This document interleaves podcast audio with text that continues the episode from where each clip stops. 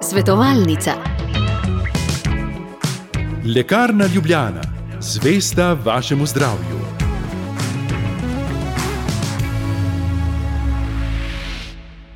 Dobro jutro in lepo zdrav, drage poslušalke in dragi poslušalci. Z brezi začenjamo današnjo svetovalnico, z nami je namreč sestra Nikolina. Dobro jutro in dober dan tudi vam. Dobro jutro. In tudi danes, drage poslušalke in poslušalci, vabljeni k sodelovanju. Telefonska številka je nič 1 512 10 nič nič, naš elektronski naslov pa kuhajmo afnaognisce.si. Torej, vabljeni, da se oblikujete današnjo svetovalnico. Sestra Nikolina bo odgovarjala na vaše vprašanja.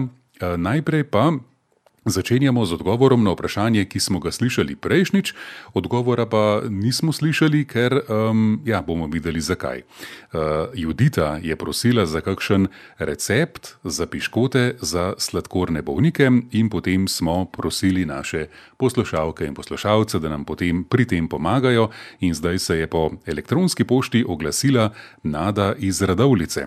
Takole piše. Sladkorno bolezen imam že 60 let, oziroma malo manj, in vse čas se trudim, da si izboljšam nivo sladkorja v krvi in izbiram recepte, kjer jih pač dobim. Obstaja veliko kuharic in jih ne kupujem, saj izbiram take recepte, ki so v navadnih kuharicah. Vedeti moramo samo, da moko nadomeščamo z integralno moko tip 850 ali tip 1100 ali pa ajdovo ali riževo, ali celo čeči moko oziroma bulgur. In naj ne naštevam, še piše Nada, ker jih je zadnje čase res veliko. Torej, moko, kot smo slišali, nadomestimo s temi tipi oziroma vrstami. Sladkor pa nadomestimo sladkorjem eritrol, huksol, stevia, natren ali pa podobno. Nada še piše, da za piškote vzame maslo ali margarino in dodaja še tole, kar mi je zelo všeč, ne kompliciram preveč. Mhm, to pa odlično. Pa preprost recept, pravzaprav, samo da veš, katere sestavine treba mu skupaj dati. Mhm. Tako da je res za dieto sladkornega bolnika. Piše še, da zadnje čase pripravlja torte z mandljevim biskvitom in tudi naredi piškote iz mandljeve moke, vse ostalo pa dodaja po občutku mandljeve moke. Ja. To je pol mandljevno del, lahko rečemo, tako da ne more biti slabo. Ja, sigurno se da zelo, zelo dobro, okusno pripravljati, ampak da je osnova integralna moka, to je pa zelo koristno vedeti ali pa posplošiti vsemu, kar se kuha za sladkornika, da je ta moka najbolj priporočljiva in zdrava potem kakor so te, to so polnovredne moke, ne, če bi tako lerle po domače ali pa preprosto rekli. Da so pa tiste izbrane, kot pa je riževa, pa to so izdelki malo težje napraviti, ne, to je tisto. Drugače je tale integralna je veliko lažja za pripravo. Torej, vsekakor pa velja poskusiti, možnosti, kot smo slišali, je kar nekaj. Tako, brez eh, poskusa, brez začetka ne bomo nikoli nič naredili ali pa se naučili je enkrat ne uspe, ali pa prvič je odlično prišlo, uspelo, drugič pa zelo slabo. Pa nisi, ne smeš biti razočaran, ampak vaju ponovi. Ampak vidiš, kje je potem majhna napaka in to te nekje tako sprakticira, da ti nič ni težko več. Pa še en odziv na prejšnji oddajo je zdaj le pred nami in sicer je pisal poslušalec Miha. Odzval se je na vprašanje, poslušalke ali poslušalca, ne vem točno, ki je spraševal, kaj naj pripravi s kuhanimi piščančjimi prsmi. Miha piše tudi meni, je belo piščančje meso pusto. Spomni pa se recepta, ki ga je v 80-ih letih iz srednje zdravstvene šole prinesla njegova pokojna žena. In to je recept iz dietne kuhinje te šole pod imenom piščančja pašteta. In eh, pri Mihu pravijo, da so jih veliko pojedli, posebno, ko ste bili dekleti še majhni. Miha je ta recept tudi zapisal in ga posredujem. Ena kuhana piščančja prsa, en rdeč koren. Poslušalka je omenila, da ima meso iz juhe in lahko uporabi kar to, koren, to korenje oziroma ta koren iz juhe, potem ena uložena kisla kumarica, ena uložena rdeča paprika in eno trd, trdo kuhano jajce, majoneza po okusu, prav tako tudi sol in za primerno kislost sok limone ali pa kis od kumaric ali paprike. Torej, če poslušalka majoneze ne sme, potem bi bilo bolje za boljšo mazovost uporabiti kar olčno olje. Torej, vse te sestavine drobno nasekljamo, lahko kar uporabimo mešalnik eh, in dodamo seveda majonezo oziroma olje, limon in sok in razrečimo do primerne mazovosti in nastala bo odlična pašteta. Odlično. To gre, ker za paštete v osnovi, kot so recimo bile jetrne paštete, smo tudi nekaj podobnega sestavljali lahko. In tako je ta iz, ena izvrstna rešitev in uporabnost potem. Ne. Pa še lahka, eh, lahki namazi so to, pa zdravi, ki jih sam pripraviš lahko doma. Odlično. Torej, Miha, najlepša hvala tudi vam za sodelovanje, za obogatitev v naši oddaji. Tako zdaj pa bomo nadaljevali z vašimi aktualnimi vprašanji po telefonu in po elektronski pošti. Telefonska številka, kamor nas lahko pokličete, je nič 1 512 10 nič nič. Elektronski naslov pa kuhajmo afna ognisce.si. In z nami je že poslušalka Tatjana iz Ljubljane. Tatjana, dobro jutro, dobro dan. Dobro jutro obema. Sestra Nikolina, mene pa ja. zanima, ja. jaz bi po vaši knjigi eh, naredila te Rafaela kocke pa ja. eh, čokoladne kroglice. Zdaj pa mene zanima, a je to še prehmal tam do mnoga leta, do Božiča, ali je to še za počakati. Ja, no, če boste imela čas, je seveda boljše, da jih malo kasneje delate. Sicer jih pa lahko bi tudi naredila, lepo naložila, tako lepo plasteh v kakšno škatlo, pa uh mhm. -huh. zaprla in dala v hladilnik. Zdaj, če bi dala pa v skrinjo, pa ne vem, če bi bilo, kako je potem izgleda, ko se jih otaja. Ne? Mhm. Zdaj pa, če, če bi bilo dobro, da res lahko kasneje je še. Bodo bolj odlični in bolj sveži ostanejo. Ampak dobro zaprte. Ja. Ja. Čez en teden bi pa seveda vsekakor že morali narediti, ne? ker to je potem na zadnje kar malo prepozno zaradi ostalih opravila. Ne? Um, pa še nekaj. Uh, jaz ja. delam tudi po vaši knjigi te lebaljene kekse, ne? Ja, Ampak ja. ni pa nobene ideje, recimo, da, da ni samo iz bele moke, ampak da je čok, um, kakav dodan in tako naprej. A jaz Aha. to kakav potem nadomestim z moko ali kako, oziroma obratno? Uh, uh, no, kakav bi lahko, to bi imela grenki kakav, ne? Ja, ja. ja grenki kako presejte. Čokolado mleto, ne, se jim mogoče uh, tisto, pa sladkorja ni potrebno toliko, ne. Toliko lahko tam mehno zvarirate, ja. La, če daste vi čokoladni prah, ga tudi presejte v moko, brez da kaj zmanjšate količino moke, pa vam bo uspelo. Če pa kakav, pa morate, koliko boste kakava dodali, eno zvrhano žlico ali dve, ali to stehtate, recimo, ker po kakavu bodo bolj čokoladni, bodo res kakavovi, po čokoladnem prahu bodo pa samo mehno motni. Ker čokoladni prah ne bo vam. Eno in drugo lahko dodaste, pol enega, pol drugega, in za tisto žlico kakava zmanjšate količino moke, sicer vam bodo, mhm. bo presuho testo, ker eh, mhm. kakav vam suši. Uh -huh, uh -huh. Ja, ja, to se pravi, boljše potem kakav. E, to pa lahko še zdaj naredim, ne? Ja, ja, te Te pa že danes, jutri, gledajte, pa dajte v škatlo, se še oležejo, omedijo, rečem, in so pol zato še boljši, kako čisto proti koncu narejeni samo. Ja, za. Rafaelo ja. pa čez en teden boljša, ne? Da, ja, da, vam. Okay, tako, hvala lepa. Pa, daj, pa vseeno v hladilnik dajte in imate potem sveže, ki so lepo zaprti, a ne? Vsekakor ja. v hladilniku tudi in bodo vam takšni, kot da ste jih včeraj naredili. V redu, hvala lepa. Ja, uspešno, ja, pozdravljeni, srečno, nasvidenje. Hvala lepa, Tatjana, za vaše vprašanje in uspešno. Jožica je svoje vprašanje poslala po elektronski pošti na kuhajmoafnaognisce.si, ima pa težavo pri izdelovanju kremnih rezin. Ko v kuhano kremo, še vročo, umešam sneg beljakov, krema postane tekoča in se ne strdi. Tudi ko je ohlajena, je tekoča kot neke vrste jogurt. In zdaj Jožico zanima, kaj dela na robe, pripravlja pa kremo iz litra in pol mleka, petih jajc, 20 dekagramov sladkorja, doda še 4 vrečke vaniljevega pudinga.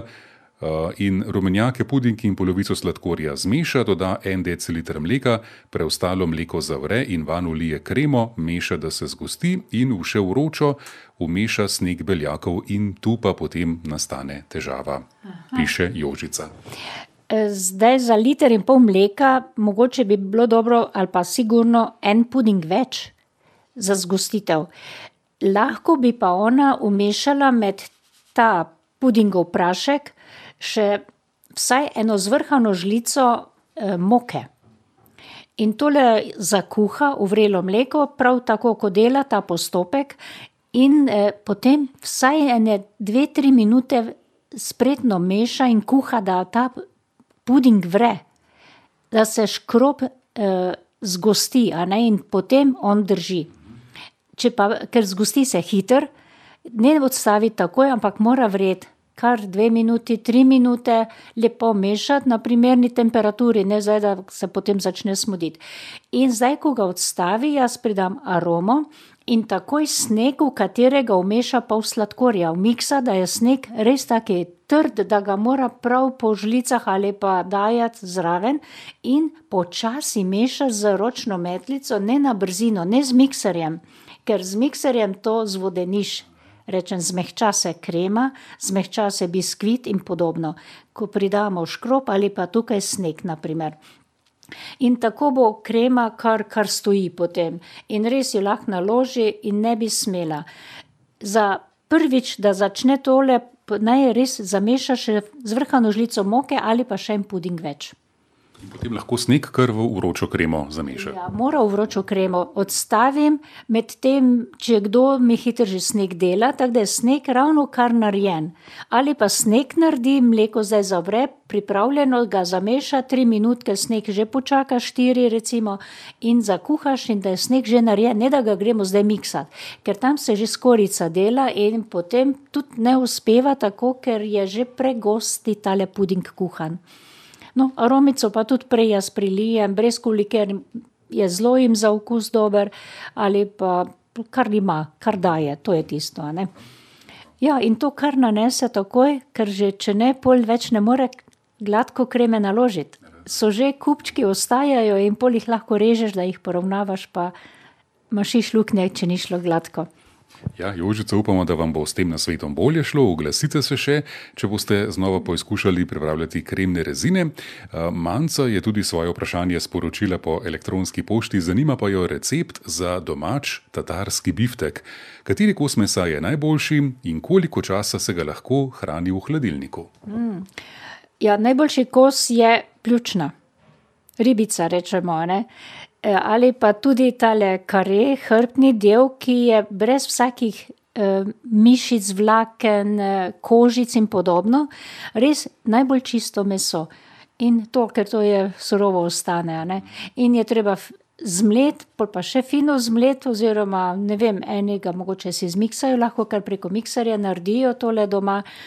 Zdaj, koliko časa lahko pa v hladilniku, ko je slan, začinjen, pa takole, da ga se spakira, da ni preveč zračnega prostora v tej posodi, pokrije še celo z prozorno folijo lahko in ga hrani tekom tedna. Vsaj tri do pet dni, naprimer, jaz bi rekla za tak, eh, ker tu so le vse surove sestavine not in tako pride. Ja, potem je pripravljen, da ni treba zadnji dan pa nekaj dni vsaj. Ne. Kako pa ga pripraviti? Ja, zdaj, ko je to vse zmleto, kakšne te dobrote še se zraven dajo, da bo okusno, poleg soli, pa popra, kaj vse dajo, jaz ne vem točno, ker ga ne delam. Res tako, da mi ni znano, in tudi ne bom nekaj nakladala, recimo, ali pa nekaj ugotavljala, kaj bi vse pasalo. So taki fini okusi, eh, po kakšnem majhnem na svetu mogoče, kaj vse se doda, fino, fino se sekljano mora biti, dobro umešano, da se majhno pusti, da se raz, te začimbe raz, pod, podelijo, povežejo z mesom in takrat še šele okus pravi lahko določi. Pa se še doda kaj. Zdaj je tudi kakšen, ne vem, ne bom nič govorila, ker ni mi znano, vem pa, da si ga delajo tako doma z veseljem, zlasti kjer imajo koline, ko vejo, kakšno meso imajo.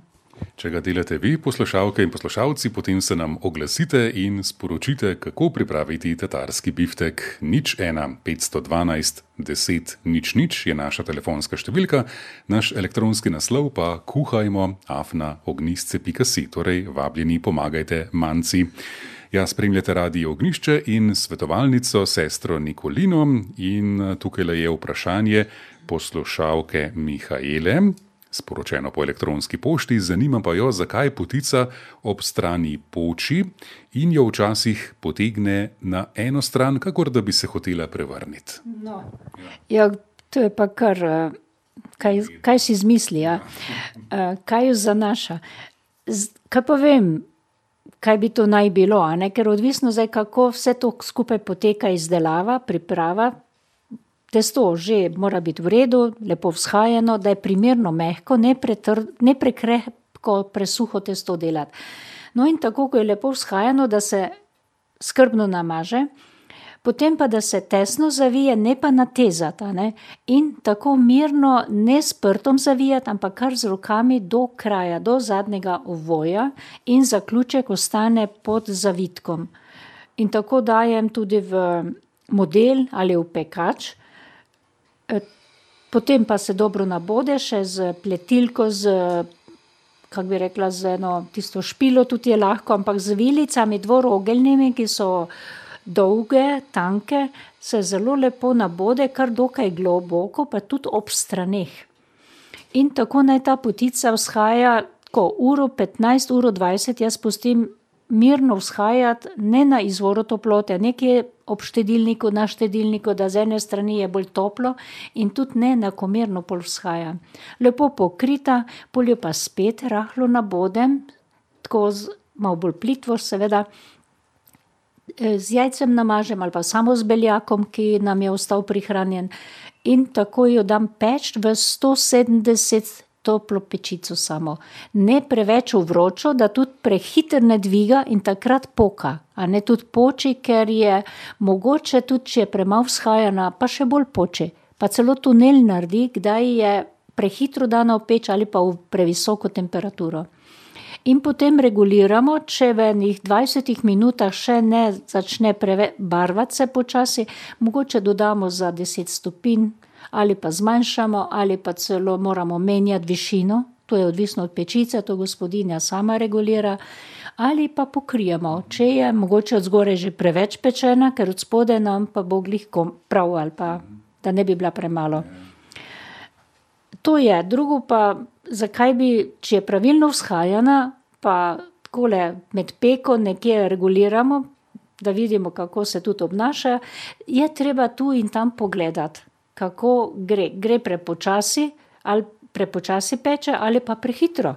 Ker včasih je polno enkrat, je skoro skipelo, seveda v tisti topli pečici in takrat bo počena levo, desno ali pa še povrh.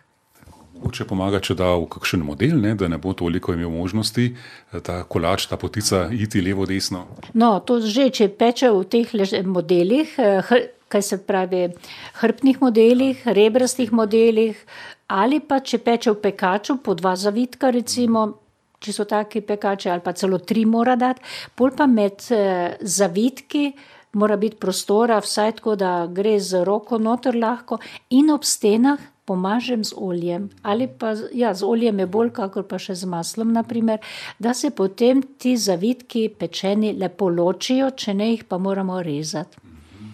Potica bo kmalo na vrsti v številnih gospodinstvih pred Božičem.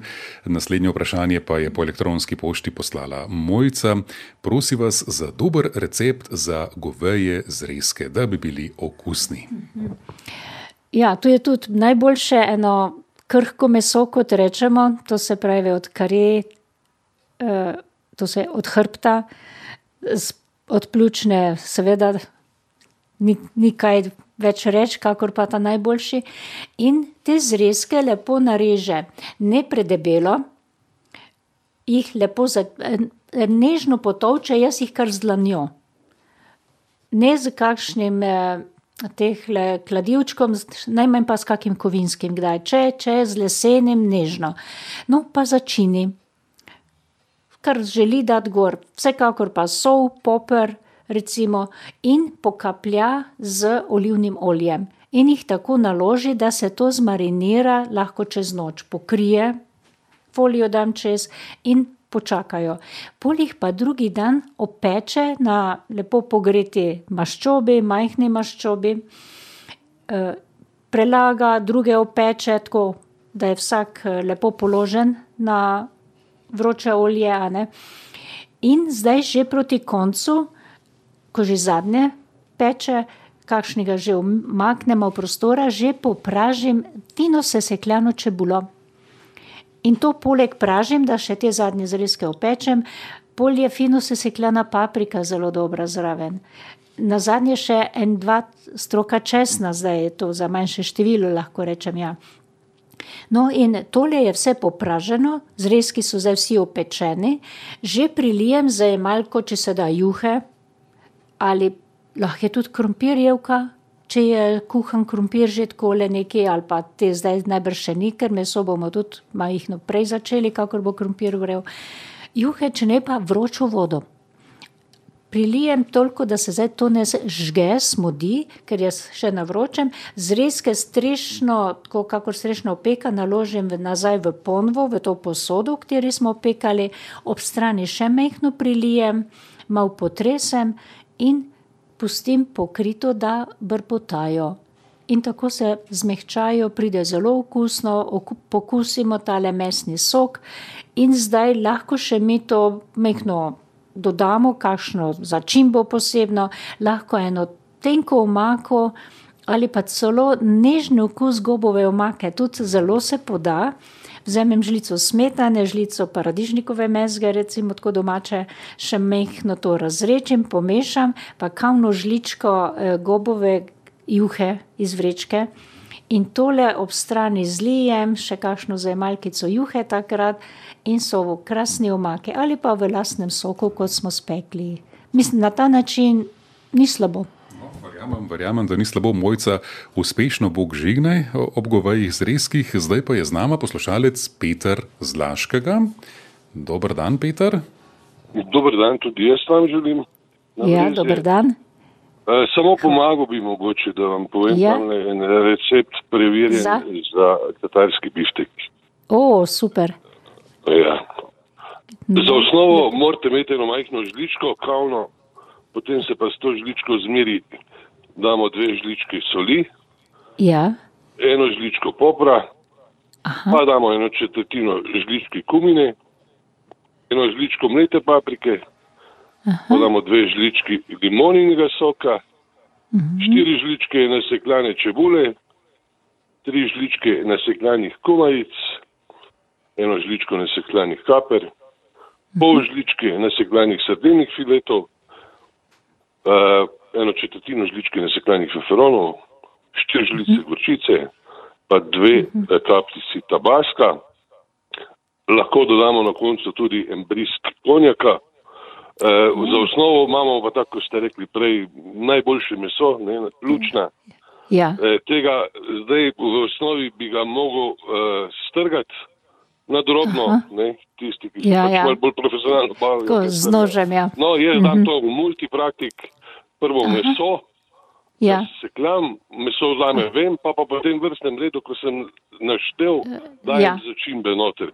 V, no. prej, še preden pa dam te začimbe noter, dam pa v multipraktik dve velike žlice hladnega olja, uh, pa eno jajce, en rumenjak.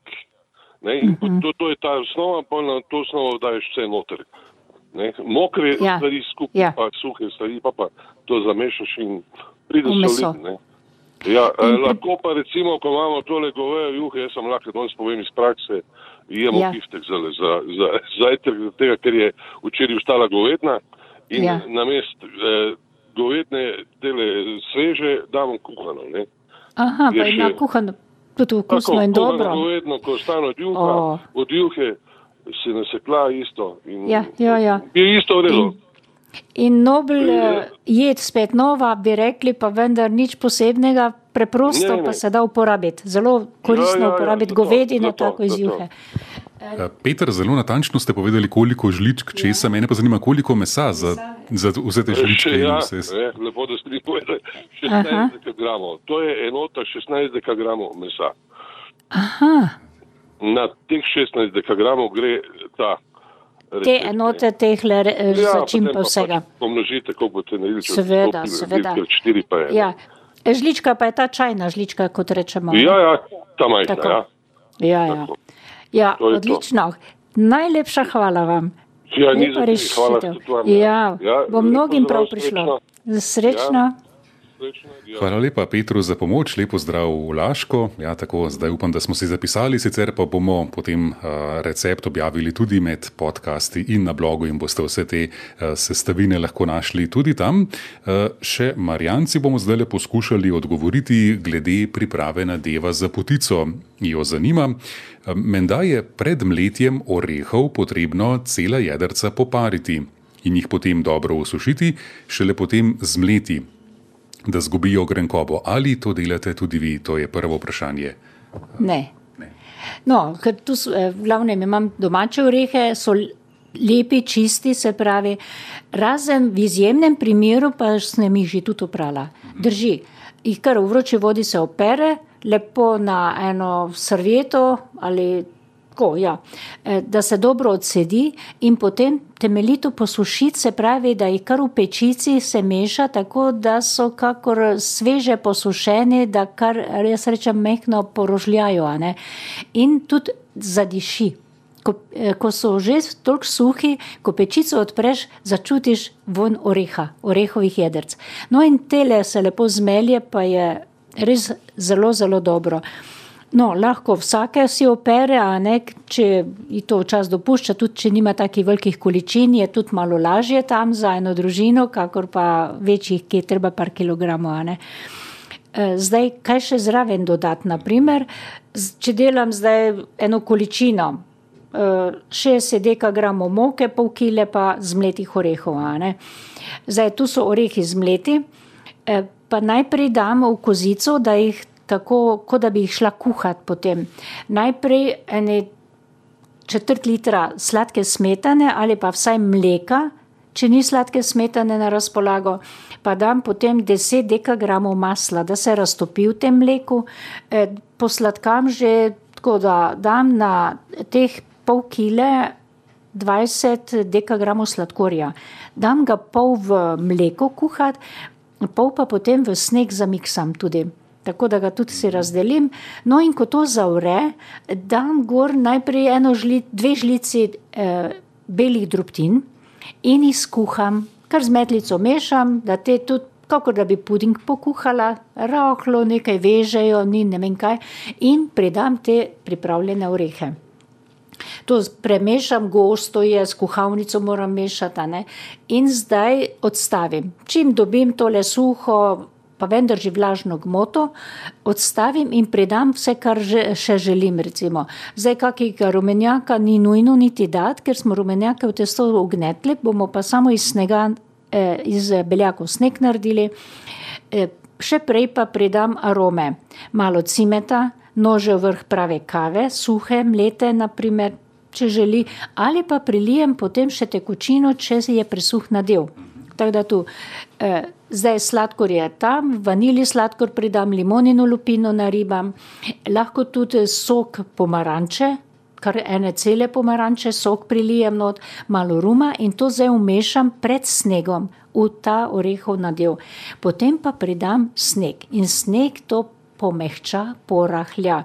In ne mešam več kako, z eno energijo, ampak bolj mešam kakor sneg, rahlo umešam v ta nadev in ga pripravim tako, da je ta prava trdota. Če pa še ni dovolj mehak, naprimer, pa pridam ali kakšno žlico res kave kuhane, če je še, ali pa mleko prilijem, ali žlico smetane umešam. Tako da je en tak primern mazav nadev, res rečem, eh, mehkoba testa in mehkoba eh, nadeva naj bo nekje si podobna ali pa ista. To. Eh, hladno mleko zdaj, recimo ob koncu, ko ste rekli, da prilijete hladno, mlačno. E, dobro reči toplo, mlačno, ni treba vrelo, lahko pa je tudi vrelo, tisto ne bo nič pokvarilo ali pa kaj nam eh, zakrkne, saj je že vse umešano. Tak. Je pa boljše, da nekoliko bolj mlačno, vsaj da topo nadev ohranjam in ga pustim na tople. Mi smo ga umešali, je kar prijetno topo in še pustim, lahko je nadev zjutraj narejen, takoj ko smo testo naredili ali pa že prej ker s tem nadevom je kar mehko časa, treba, zdaj nas testo že vzhaja, smo ga že pognetli in zdaj nas prehiteva. In ko me umešamo nadev, gremo mazati in ni ta prava gostota. Takrat je tudi lahko mehko narobe ali pa nam potem nagaja, ker je presuh nadev prišel. In ko namažemo, mi lahko potresemo še sesekljane orehe, kdo ima rad, recimo, da kaj še pogricka, ko je potico, naprimer ali pa potresemo v rumu namočene, tudi pogrete, tako prijetno tople rozine. Po želji malo, precej, odvisno od želje ali pa koliko imamo vsega na razpolago za to lepotico.